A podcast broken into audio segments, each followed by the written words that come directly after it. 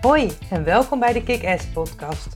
De plek voor iedereen in de sport- en eventbusiness die zich verder wil ontwikkelen. Mijn naam is Esther Huismans, ervaren professional in de sport- en eventwereld. Je kent mij misschien ook van Kick-Ass, het inspiratieplatform voor vrouwen in de sport. Of van mijn online netwerktrainingen van de Kick-Ass Academy. In deze podcast deel ik mijn tips en ervaringen en maak ik je deelgenoot van de weg die ik als ondernemer aan het afleggen ben.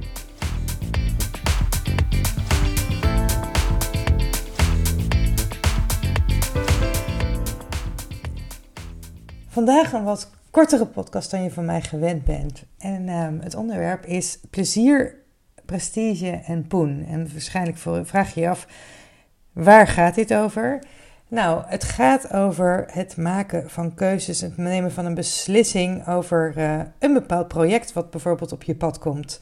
En deze sluit aan op een uh, eerdere podcast van mij, um, um, Tijd, Geld en Energie, waarin ik het over heb gehad. En het gaat ook over het maken van keuzes, waar ik ook eerder een podcast over heb opgenomen. Een vraag die ik dus regelmatig uh, krijg is: waarop baseer je de keuze om een bepaald project wel of niet te doen?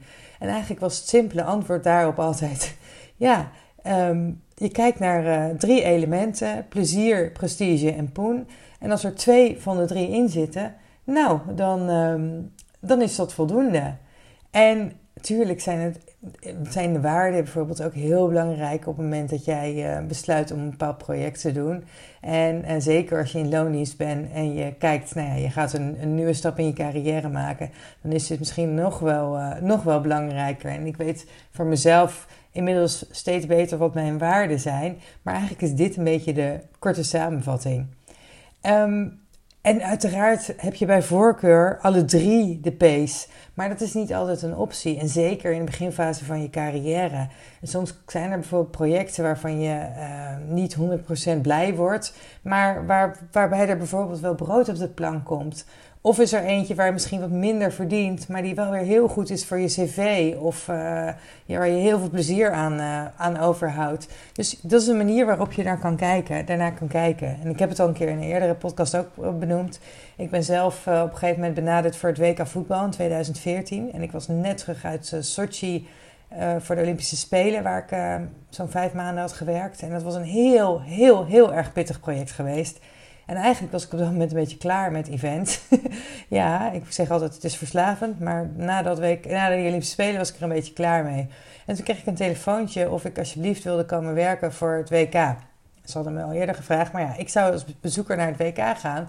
En dat kon dus niet. Alleen nu was er last minute iemand uitgevallen en zaten heel erg omhoog en ze belden me weer of ik een, uh, ja, een opdracht wilde doen. En ik zei nee, ja, in eerste instantie, ik zei, kan niet, want ik ga naar de WK als supporter. En toen zei ik op een gegeven moment, ik zeg achteraf bij mijn stomme hoofd, nee, maar dat is niet zo, want ik heb er uiteindelijk helemaal geen spijt van. Maar toen zei ik, nou, ik kan werken tot en met de openingswedstrijd. Nou, toen kreeg ik meteen de reactie, wanneer kun je beginnen? Dus twee weken later, of twee, tweeënhalf weken later, zat ik in het vliegtuig naar Brazilië. En ik... Uh, voor mij was op dat moment, ja, ik was gewoon echt heel erg moe. En, maar ja, eigenlijk het werk aan een WK is iets wat altijd op mijn lijstje stond. En ik weet dat ik het, um, uh, ik had toen, toen in die tijd een keer mijn moeder aan de telefoon, die zei... Ja, je komt op een gegeven moment op een moment dat je zelf kunt bepalen waar je ja waar je nee tegen zegt. En ik was toen nog niet zo heel lang als ZZP'er aan de slag. En toen moest ik ook alweer lachen, want ik denk, ja, WK voetbal, hallo. Daar wil je eigenlijk helemaal geen nee zeggen, tegen zeggen. Maar als ik dat overwoog, ja, dan, dan denk ik dat je wel begrijpt uh, hoe uh, verrot ik uit Sochi teruggekomen was. Maar ja, in ieder geval, um, dat was dus eentje um, om rekening, uh, of in ieder geval, dat is dus waar, waar ik naar, naar heb gekeken. En um, en ja, dus ik kijk elke keer op, naar de projecten op deze manier met de drie P's. En um, wat je hier nog kan, toevoegen, want misschien zeg je ja, het is nu wel heel plat geslagen. Maar je kunt ook bijvoorbeeld, ik heb nog een aantal P's daaraan toegevoegd, het proeven. Um, stel je bent uh, net gestart als um, zelfstandige en je wil gewoon zoveel mogelijk ervaring opdoen. Dan kan het ook zijn dat je zegt, nou, ik neem even genoegen met bijvoorbeeld een minder tarief of wat minder prestige. Maar ik wil gewoon proeven van verschillende, ja, van het evenement. Proeven, zoveel mogelijk ervaring opdoen. Zeg van nou, ik neem een uh, kiezen, ik, ik, trek er een bepaalde periode voor uit om zoveel mogelijk ervaring op te doen.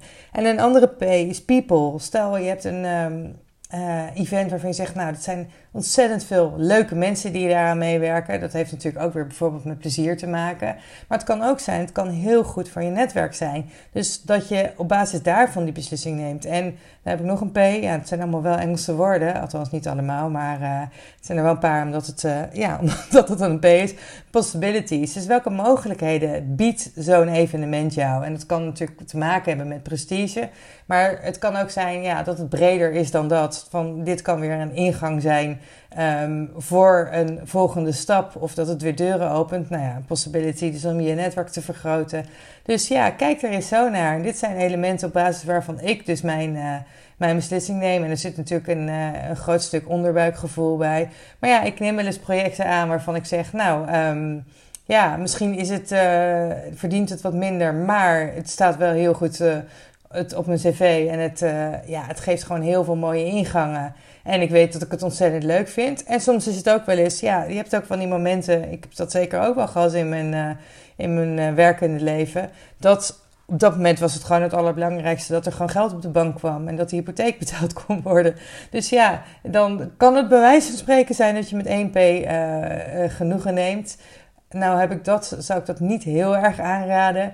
Maar, uh, maar ik kan me voorstellen dat dat soms uh, gebeurt. Nou, ik ben, ben heel erg benieuwd op basis waarvan jij je beslissingen neemt. En uh, of je de plezier, prestige en poen ook aanhoudt. Um, of dat er andere P's of andere elementen zijn erin. En misschien eh, onthoud je deze wel en ga je die voortaan ook aanhouden. Dat was het weer voor vandaag.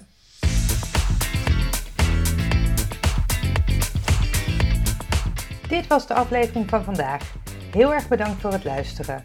Vond je deze aflevering waardevol? Dan zou het heel fijn zijn als je een review wilt achterlaten op iTunes of op Spotify. Tot de volgende keer!